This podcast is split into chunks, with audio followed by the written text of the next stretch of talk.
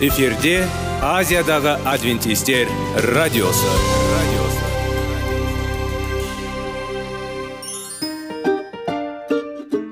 Сәлем достар. Денсаулық өмір бұлағы және біздің бірінші байлығымыз демекші денсаулық сағаты рубрикасына қош келдіңіздер. Біздің рубрикада біз әртүрлі факторларменен мәліметтерменен кеңестерменен бөлісіп шын жүректен сіздердің дендеріңіз сау болғанын қалаймыз. Сол үшін біздің рубрикаға қош келдіңіздер. Дайындалып тұрыңыздар. Өйткені келесі минуттарда қызықты фактілерге ие боласыздар. Енді достар ең бірінші байлығымызды қолымызға алып алға кеттік.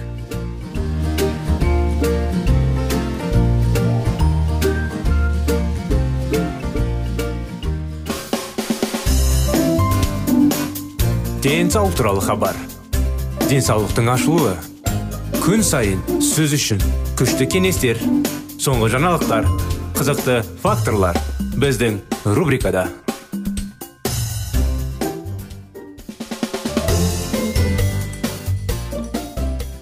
сәлеметсіздер ме армысыздар құрметті достар құрметті радио тыңдаушыларымыз сіздерменен бірге денсаулық сағат бағдарламасы біздің бағдарламамызға қош келдіңіздер сіздермен бірге достар қазіргі уақытта дұрыс болмаса пайдалы әдеттер десек болады пайдалы әдеттер тақырыптарын өтіп жатырмыз соңғы бүгінгі күнде сіздерге қалыпты салмақты сақтау әдеті жайлы тақырыпты баяндап сіздерге жеткізіп берсек сіздің денеңіз салмақ пен бұлшық еттердің босанысуы күшейте бастайды ма алаңдатты ма? және қандай осы нәрсе көмектессе? бұл туралы бүгін әңгімелестік. неге біз қалыпты салмақты ұстануымыз керек егер біз өзімізді ұстасақ қалыпты салмақты сақтауға тырысып денемізде жеңілдікті сезінеміз. дұрыс қозғалмалы төзімді және икемді болып қаламыз. Бұл жағдайда бізге кез келген спорт ойын сауық және белсенді демалыс түрлері бар. Өмір әсерге толы және біз үшін қызықты әрі әдемі болып қала береді. Сонымен қатар нәзік фигура бізге қоршаған ортамен қарым қатынасты көмектесе алады. Өйткені тартымды сезініп біз сенімді және ашық боламыз. Жеке өзін өзі бағалау артады. Қалыпты салмақты ұстанғанда не болады? Салауатты дене массасын ұстап тұрудың көптеген артықшылықтары бар. Тек өмір сүру сапасы үшін ғана емес сонымен қатар энергия мөлшері үшін де. Артық салмақ моральдық және физикалық ауырушылық рас өзім тәжірибемде сіздерге айтқыза аламын. Санаторияларда мысалы бізге жиі салмақты кісілер келеді. Жүрістері қиын. Біз жаңа санаторияда таңғы астан кейін түскі астан кешкі астан кейін әрдайым серуендеуге шығуға тырысатынбыз. Және де одан басқа арасында жаңағы арнайы уақыттарда жаңағындай лфк мен шұғылданатынбыз.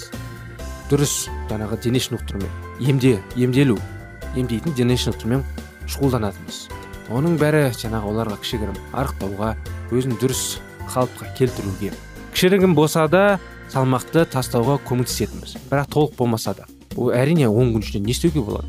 Бірақ ары қарай оларға кеңес беріп көмектесетінбіз. Сондықтан сіздерге де кеңес құрметті достар. Дұрыс тамақтаныңыздар. Мысалы таңертең айтқа кеткендей көптеген адамдар жаңа қазақстанда мақал бар ғой. Таңғы асты өзің іш түскі асты бөлісіп іш кешкі асты біреуге бер дегендей. Нақты есімде жоқ толық ше. Бірақ сіздерге толық анықтамасын айттым. Бірақ мағынасын жеткіздім дегендей. Неліктен мысалы таңғы бүңгіл күндік сіздің тағамыңызды жүз пайызбен салыстырайық. Жүз пайыздың таңғы асыңыз елу пайызбен тұру керек. Түскі асыңыз қырық пайыз кешкі асыңыз он пайыз болу керек. Не болса да өзіңіздің тағамдарыңызда ә, дұрыс тағамдарыңыз уақытылы тамақтаныңыз. Сондықтан айта кеткендей жаңағы дұрыс уақыттарда су ішіп отырыңыздар. Салауатты дене массаны ұстап тұрудың көмегінен артықшылықты бар тек өмір сүру сапасы үшін ғана емес. Сонымен қатар энергия мөлшерін ішуінде айта кеткенде артық салмақ моральдық және физикалық ауыр. Ол буындағы сүйектерге және бұлшықеттерге қосымша жүктеме береді тіпті қарапайым қозғалыстар қалыпты салмағы бар адамға қарағанда көп жүк қажет. Иә рас құрметті достар мінекей мен де бір уақыттарда өзімді салмағымды қадағаламай кеткен едім. Негізі арасында мен ер бала болған соң енді артында отжимание істейтін кей кезде турникке асылатын кішкене өзімді формада сақтау үшін. Бірақ кей кезде енді бір салмақ қосып қалған едім онымен айналыспай жүрмін мысалы мен ер адам болған соң енді көп мақтанғаным емес бірақ кей кезде он істей аламын отжимание кей кезде жиырма кей кезде бір дегенде отыз істей аламын да. Және әрдайым подход подходпен. Жасты адамдар мені түсінеді енді. Турникте де солай. Бірақ жаңағы салмақ қосқалы біраз істелмей мен бір рет екі рет па зорға тартылдым. Және де отжимание солай болды. Бір бесеуін ба енді көп десе онын зорға істедім неліктен салмақты қадағаламай кеттім. Және де өзімді формамды жоғалта бастадым. Әрине оның бәрі форманы жоғалтқан бастаған кезде өз өзіңе күшің жетпей өз өзің ұстауға әрине дене ауыра бастайды. Әсіресе бұлшық еттер және сүйектерді омыртқалар соның бәрі жаңағы көптеген қиыншылықтар әкеледі. Адамның салмағы неғұрлым көп болса соғұрлым оның жүрегі де тіпті тыныштық жағдайында. Тіпті аз салмақ жоғалту органдардың қанмен қамтамасыз етілуін жақсартады. Жүрек соғу жоғары қан қысымы мен стенокардия қаупін азайтады. Артық салмағы бар адамдар екінші типті диабетпен ауыратыны белгілі. Егер мұндай диагноз қойылған болса салмақ төмендеуі ауруды басқалуға көмектеседі. Егер тәуекел болжамды болса салмақ жоғалту және белсенді өмір салты болашақта мұндай аурудың даму қаупін төмендетуге көмектеседі. Егер сіздің салмағыңыз бақыланбаса не болады? Егер біз өз салмағымызды бақыламаймыз және тамақтанудан өз әдеттерімізді ойламаймыз онда көп ұзамай артық салмақ жинасақ қосымша дене салмағы қан көлемі артуына және оның қысымын сөзсіз артуына әкеледі. Қан айналымының қиындықтары веналардың варикозды кеңеюіне және жүрек артериясына әкеледі және тамырлардың үлкеюіне. Қалыпты салмақ 10 пайызға өскен кезде өмір 14 пайызға қалыпты салмақ 20 пайызға өскен кезде өмір 45 пайызға қысқарады. Семіздік кезінде омыртқа бағаналар мен буындар айтарлықтай әсер етеді. Омыртқарлық дискілер шамадан тыс жүктемеге төтеп бермейді. Жарықтар береді және бұзылады. Ал толық қан диабеті қалыпты салмағы бар адамдарға қарағанда он есе жиі кездеседі. Ойлануға болатын нәрсе бар ма? Не істеу керек? Салмақты жоғалтуға кеңес берген кезде не істеу керек?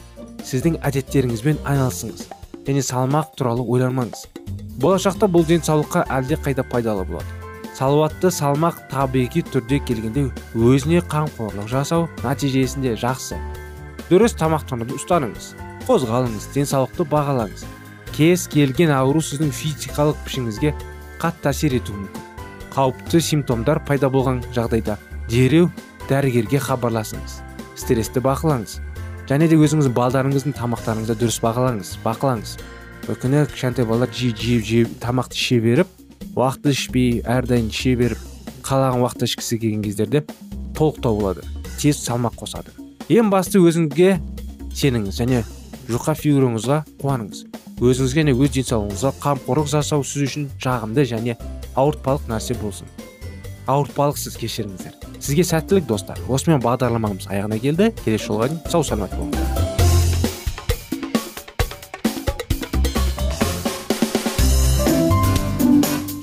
Денсаулық туралы хабар.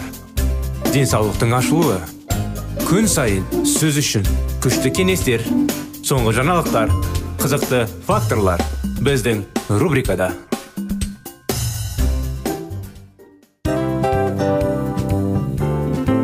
Әуелі байлық денсаулық екінші байлық он саулық үшінші байлық ақ жаулық ал енді осындай радио парақшадан кейін не дейміз? Барлықтарыңызға денсаулықтарыңыз зор болсын деп тілейміз. Денсаулықтың өзгеруі кішкентай нәрселерден басталады. Осымен біз берген кеңестер мен мәліметтер шын жүректен сіздер үшін қандай да бір болсын жәрдем берді деп үміттенеміз. Тыңдаушыларымызбен келесі радио парақшасына дейін қоштассамыз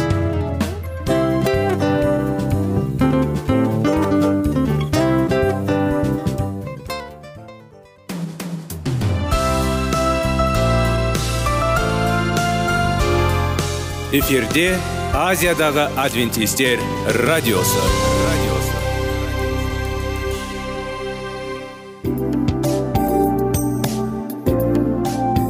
Сәлем достар.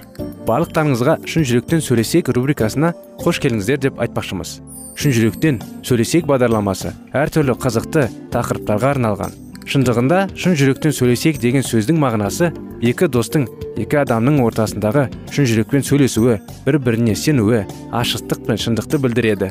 Сол үшін біздің бағдарламалар әртүрлі қызықты тақырыптарға арналған. Дайындалыңыз жаңа қызықты мәліметтерге ие болуға. Ондай болса кеттік.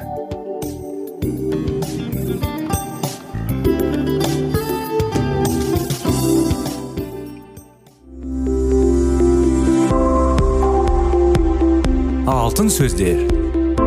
Сырласу қарым қатынас жайлы кеңестер мен қызықты тақырыптар.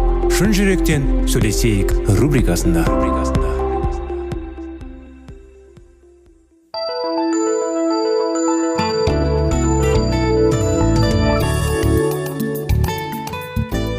Армысыздар сәлеметсіздер ме құрметті достар құрметті радио тыңдаушыларымыз сіздерменен бірге шын жүректен сөйлесейік бағдарламасы.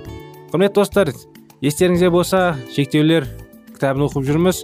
Өткен жолы қарым қатынас шектеулер тәрбие жайлы балаларды қалай өсіру не істеуге болатын жайлы анықтамалар айтқан едік. Және де оның алдындағы тақырыпты дұрыс аяқтай алмай қалдық. Балалармен болашақта оларды өз өздерін беттерімен өмір сүруге тырысуға тырысу керек. Неліктен? Өйткені кішкентай кезінен оларды сіздерге бәр бере алатын тәрбиелеріңізді беріп бірақ кейін жанұялы болған соң олар бөлек тұру керек. Неліктен қазір арға жалғастырамыз? Мен күнделікті қажеттіліктерді жұмсайтын ақша ала алмаймын ба? Терри мен шерри өте жарасымды жұп болады олардың зәулім үйлері болды. Демалыс кезінде олар өздерінің қаражаты аямайтын. Олардың балалары фортепианодан сабақ алды. Балетпен айналысатын әрқайсының өз шығалары өз дөңгелекті каникулері болды. Терри мен шерри барлық жағынан табысты еді бірақ бір қиындық бар болатын осының бәріне ақшаны төлейтін терри емес еді. Терридің әке шешесі оларға қомақты қаржылай көмек болатын. Терридің ата анасы бар жақсының өз ұлдарына болғанын қалады. Және соларға қол жеткізуіне ұдайы көмектесіп отырды. Олар терридің үй сатып алуына көп қарып босты.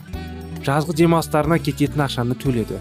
Терри мен шерриге демалыстарына кететін ақшаны төлегенімен олардың өздері қол жеткізе алмайтын нәрселерді беру арқылы ата анасы олардың осы үшін қымбат құн төлеуге мәжбүр етті. Өздерінің үздіксіз қайырымдылық көмектері арқылы олар терридің өз өзіне деген құрметін азайтты. Отбасылық қор негізінен қиын атасының қолында болғандықтан шерри де оның келісімсіз бір тиын жұмсауға өзін құқықсыз сезінетін. Бұл жағдай некеде тұрған және жалғызбасты жастардың арасында кең таралған мәселелердің бір қыры болып табылады. Терри мен оның әйелі қаржылық жағынан тәуелсіз болған жоқ.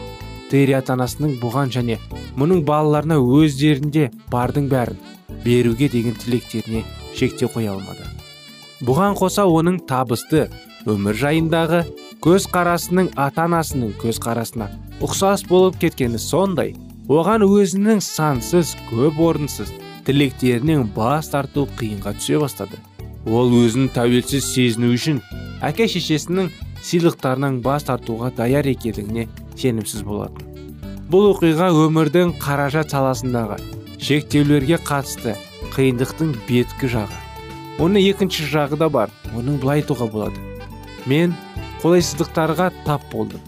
Өздерінің жауапсыздықтарының маскүнемдерінің немесе нашақорлықтарының ақша ұстай алмайтындықтарының немесе кейінгі кезде сәнге айналған мен өзімді әлі тапқан жоқпын деген дерттің кесірінен көптеген ересек балалар қаржылық жағынан үнемі тапшылық көруде. Осы жолы бір нәрсе шығып қалар деген үмітпен ата аналары оларды осы сәтсіз жолдарын қаржылықтауларын жалғастыра береді. Ал шын мәнінде балаларының тәуелсіз болуларына кедергі жасау арқылы оларды мүгедектерге айналдырады. Қаржылық жағынан өз аяғынан нық тұра алмайтын ересек адам шын мәнінде бала күйінде қалады. Ересек болу үшін сіз өз қаржыңызды өмір сүруге осы қаражатыңызды шеңберіне және өз сәтсіздіктеріңізді құның өзіне төлеуге тиіссіз. Апа менің шұлықтарым қайда? Мәңгі бала күйінде қалған адамның қаржылық жағынан тәуелсіз болуы мүмкін. Бірақ ол сонда да өз өмірін басқаруды ата анасының қолына беріп қояды. Өспей қалған ересек адам көбіне ата анасымен бірге тұрады жазға демалысқа олармен бірге барады керлеген киімдерін ортақ киім жауатын машинаға салады әке шешесімен бірге тамақтанады. Болған жағдайлардың барлығын олармен бөліседі. Жақсы отыздан асып кетсе де ол әлі лайықты қызметке орналасқан жоқ. Оның жайған қоры жоқ. Ол зейнеттілікке шыққанда не істейтін туралы ойламайды. Бір қарағанда мұның бәрі онаша маңызды емес секілді болып көрінеді. Бірақ та көп жағдайда әке мен шеше ер жетіп кеткен балалардың сезімдік жағынан үйін тастап шығуына кедергі жасайды. Бұндай балдар қиын болады олармен. Ертеңгісін олар өз беттерімен өмір сүре алмайды. Олар мінез құлықтары қиындау болып өседі. Ондай балалар көп.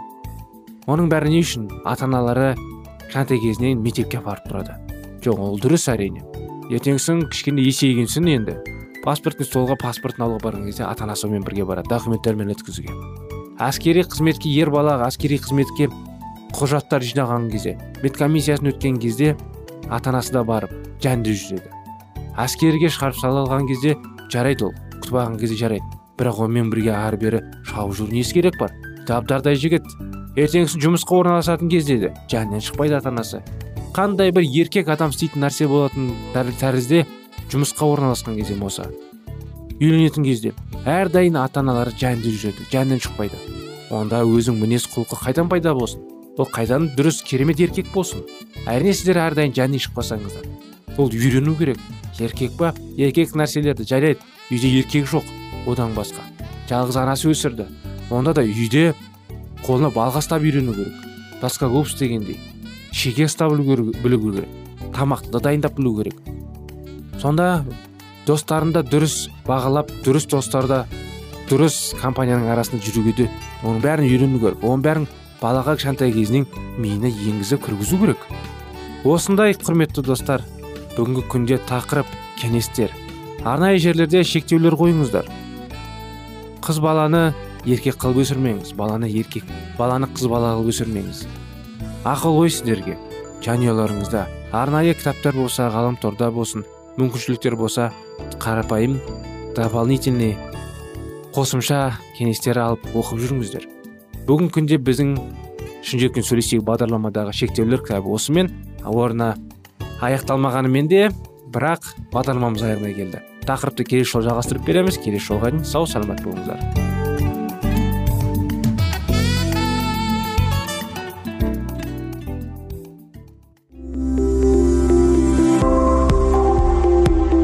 Алтын сөздер. Сырласу. Қарым қатынас жайлы кеңестер мен қызықты тақырыптар. Шын жүректен сөйлесейік рубрикасында.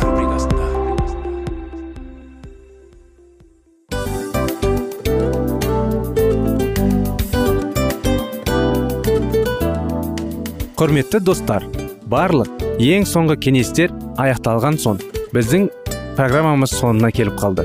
Осы біздің мәліметтер осы рубрикада айтылған әрбір сөздер сіздерге өзінің қандай да бір пайдасын алып келді деп шын жүректен сенеміз. Және бұдан да көптеген рубрикаларымыз бар. Басқа рубрикаларымызда біздің зерттеулерімізде сіздер үшін тағы да қызықты мәліметтер дайын. Біздің шын жүректен сөйлесейік парақшамызда көптеген әдістер ең соңғы кеңестер адамның нравственность жақтан моральдық жақтан тазалап байыта тұрған соңғы кеңестердің барлығын жанарады. сондықтан алдыңғы күндерде бізбен бірге болыңыздар. Өйткені барлық қызықтар алдыда. Бізбенен бірге болғандарыңызға үлкен рахмет. Келесі кездескенімізше сау сәлемет болыңыздар.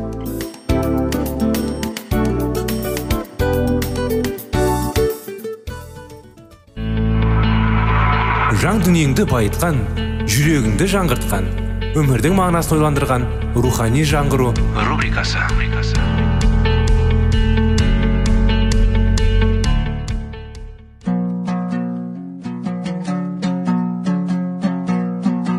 Ассалаумағалейкум біздің тыңдаушыларымыз. Келі кітаптың шындығын ашып берген қысқа бағдарламасына қош келдіңіздер. Барлығынан жоғары жаратушы біздің қарыңғылықта жалғыз қалдырып қойған емес. Өйткені ол келешекте не болу керек екенін киелі кітаптың парақтарында ашып береді. Немесе келіңіздер бізге қосылыңыздар. Жаратушы бізге нен ашып бергенін зерттейміз. Өмір білім бұлағы білім өмір шырағы деген бір мақал бар еді сөздер. Соныған айтқандай енді білім алып өмірді білім алмасақ әрине қиындау болады. Сондықтан достар біздің рухани жаңғыру бағдарламасына қош келдіңіздер деп сіздерге сәлеметсіздер ме? Ассалаумағалейкум дейміз. Және де бізге қосып жатқан жаңа тыңдаушыларымыз болса да сіздерге де сәлем жолдаймыз. Неліктен ондай сөздерден бастадым бүгінгі тақырыпты бағдарламаны. Өйткені өмірде біраз білім алмаса адам кішкене көзқарасы қиындау болады. Әрдайым адам білім алып кішкене өмірде бір нәрсеге жетістіктерге жетеді. Әрине бұл жетістіктерге жетіп өмірде кішкене енді жақсылық болғандықтан бәрі керемет болу үшін ең басында және де білім құдайдан иса мәсіхтан алу керек. Сондықтан рухани жаңғыру бағдарламасында біз әрдайым құдай жайлы жаңағы рухани жайлы тақырыптарды талдаймыз зерттейміз міне кітаптарын оқимыз кеңестер аламыз. Сонымен қазір біз зерттеп жүрген енді талдап оқып жүрген кітабымыз жаратушыға апарар жол жайлы. Өткен жолы біз енді өзімізден өзіміз ештеңке істей алмаймыз деген тақырыпта тоқтаған едік. Шәкірттер жайлы де ә, шәкірттері исаның жаңағы ол заманда бәрін тастап дегендей емес енді бәрін тастады да оларда көптеген оқиғалар бар. Бірақ олар исамен бірге болып оның шәкірті болып оның айтқанымен жүріп әрине бата алып керемет адамдар өтті. Сонымен енді кітаптың жағасы жалғастырақ мінекей былай дейді. Жақсы көрген шәкірттерінің бірі жоған басқаларға қарағанда құтқарушыға өте қатты ұқсайтын. Бұл шәкірттің бойындағы көркем мінез оған тауап еткен жоқ. Ол бұрын атаққомар пәпкапар ұстамсыз игілікке тем кінәшіл болған. Жохан құтқарушының бойындағы тәңірлік қатерлін көріп олардың сырынан терең байлаған кезде ол өзінің бойындағы кемшіліктерін көрді. Мінекей байқап отырсыздар ма? Тәңірдің қасиеттерін көріп өзінің бойындағы кемшіліктерін байқады бұл маңызды өте достар. Осының өзі оның сабасына түсіп жасауына себеп болды. Күш пен шыдамдылық алыптық пен нәзіктік ұлылық пен момындық міне осының бәрін күннен күнге құдай ұлының бойына көрді.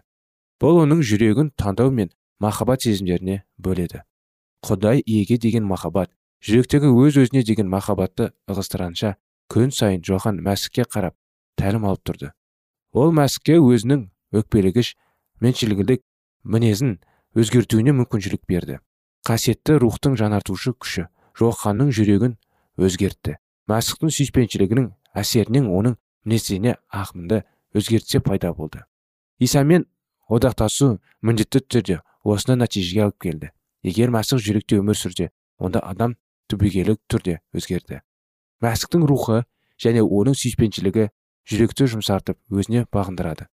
Ойы мен тілегін мәңгілік нәрселікте адамдардың ой міндеттерін ниеттерін құдайға және өткінші нәрселерге емес мәңгілік құдайлықтарға бағыттайды.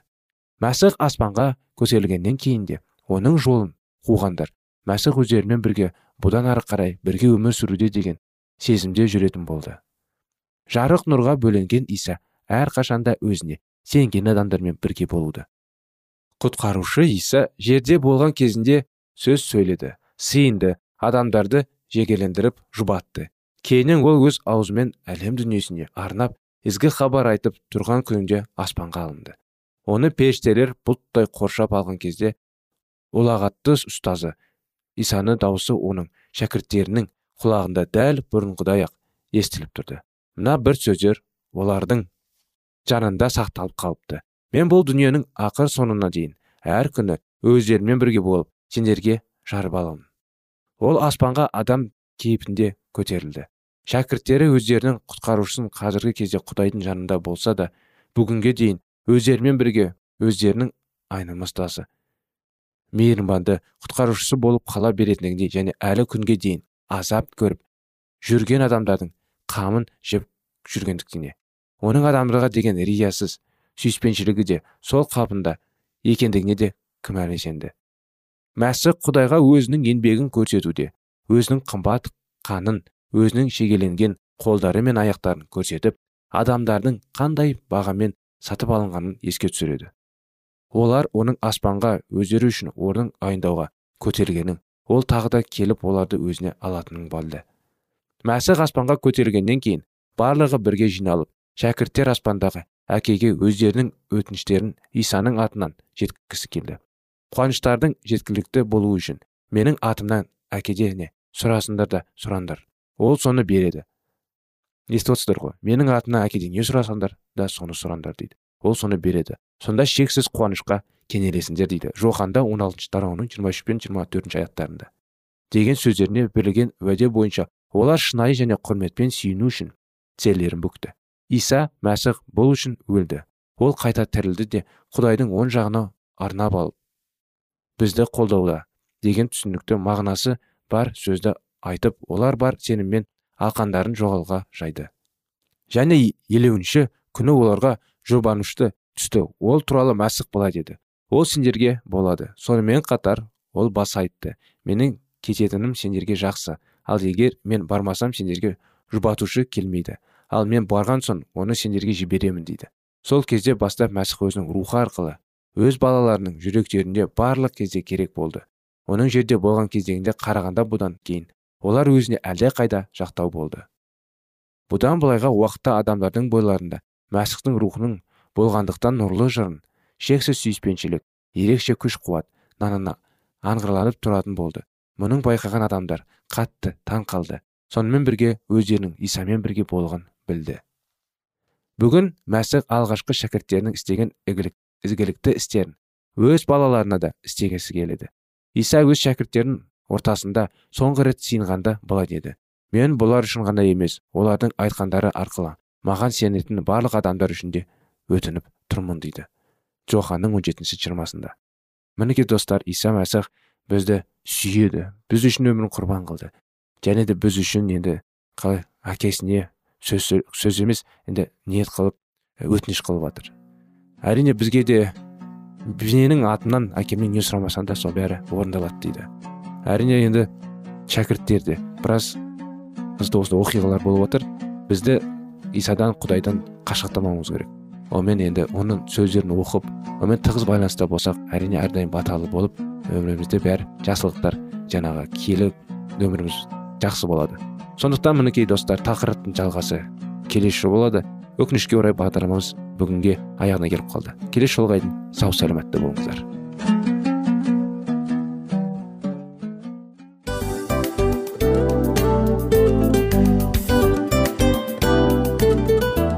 Мынау осы уақыт тез өтіп кетеді екен. Біздің бүгінгі рубрикалардың аяғына да келіп жеттік. Ақпаратымызды парақшамызды қазір ғана бастаған сияқты едік. Соңында да келіп қалдық. Уақыт деген тегі білінбей өтіп кетеді екен. Бүгінгі 24 сағаттың алтындай жарты сағатын бізге бөліп арнаған үшін рахмет. Егерде өткен сфераларда пайдалы кеңес алған болсаңыз біз өзіміздің мақсатқа жеткеніміз. Кеңестерді қолданам десеңіз өзгерістерді кішкентай қадамдардан бастап іске асыра беріңіздер де жасағандарыңыз үлкен үлкен жетістіктерге жете берсін. Шын жүректен әрбір берілген кеңестер сөздер сіздерге пайдасын әкеледі деп сенеміз. Сіздермен бірге кездесулерімізді сөзсіз түрде асыға күтеміз. Сәтті күн тілеп сіздер менің ұзаққа қоштаспай келесі кездескенімізше тек қана сау саламатты болыңыздар дейміз. Достар біздің бағдарлама бойынша сұрақтарыңыз болса әрине сіздерге керекті анықтама керек болса біздің whatsapp нөмірімізге хабарлассаңыздар болады. Плюс бір үш жүз бір жеті жүз алпыс алпыс жетпіс. Иә достар сіздер қателеспедіңіздер бұл біздің номерлерге ұқсас болмаса да бұл whatsapp номер арнайы.